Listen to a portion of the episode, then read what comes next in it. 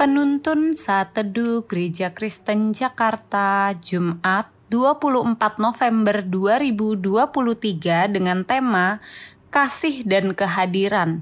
Firman Tuhan terambil dari Yohanes 11 ayat 35 berkata demikian. Maka menangislah Yesus. Seorang wanita mengirim surat kepada gereja. Suratnya singkat, isinya demikian.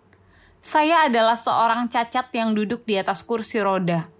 Ia melanjutkan, "Saya sangat kesepian, meskipun saya tahu bahwa saya tidak sendirian. Allah selalu menemani saya. Saya tidak memiliki banyak teman untuk diajak bicara." Kesepian telah dianggap sebagai kata yang paling menyedihkan dalam bahasa kita.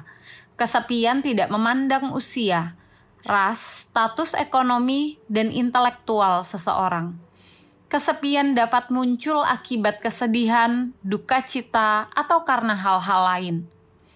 Semasa hidupnya di dunia, Tuhan Yesus memiliki teman dan sahabat yang dikasihinya. Salah satunya adalah Lazarus yang merupakan saudara dari Maria dan Marta. Ketika Tuhan Yesus mengetahui bahwa Lazarus mati, Yesus menangis. Ia berduka cita bersama dengan Maria dan Marta. Ia hadir bagi mereka menunjukkan kasih dan kepedulian di masa-masa duka yang begitu menyakitkan dan membuat hidup mereka terasa hampa karena kehilangan. Namun demikian, Tuhan Yesus mengatakan bahwa kematian Lazarus akan menyatakan kemuliaan Allah, dan hal ini dibuktikan saat Yesus membangkitkan Lazarus.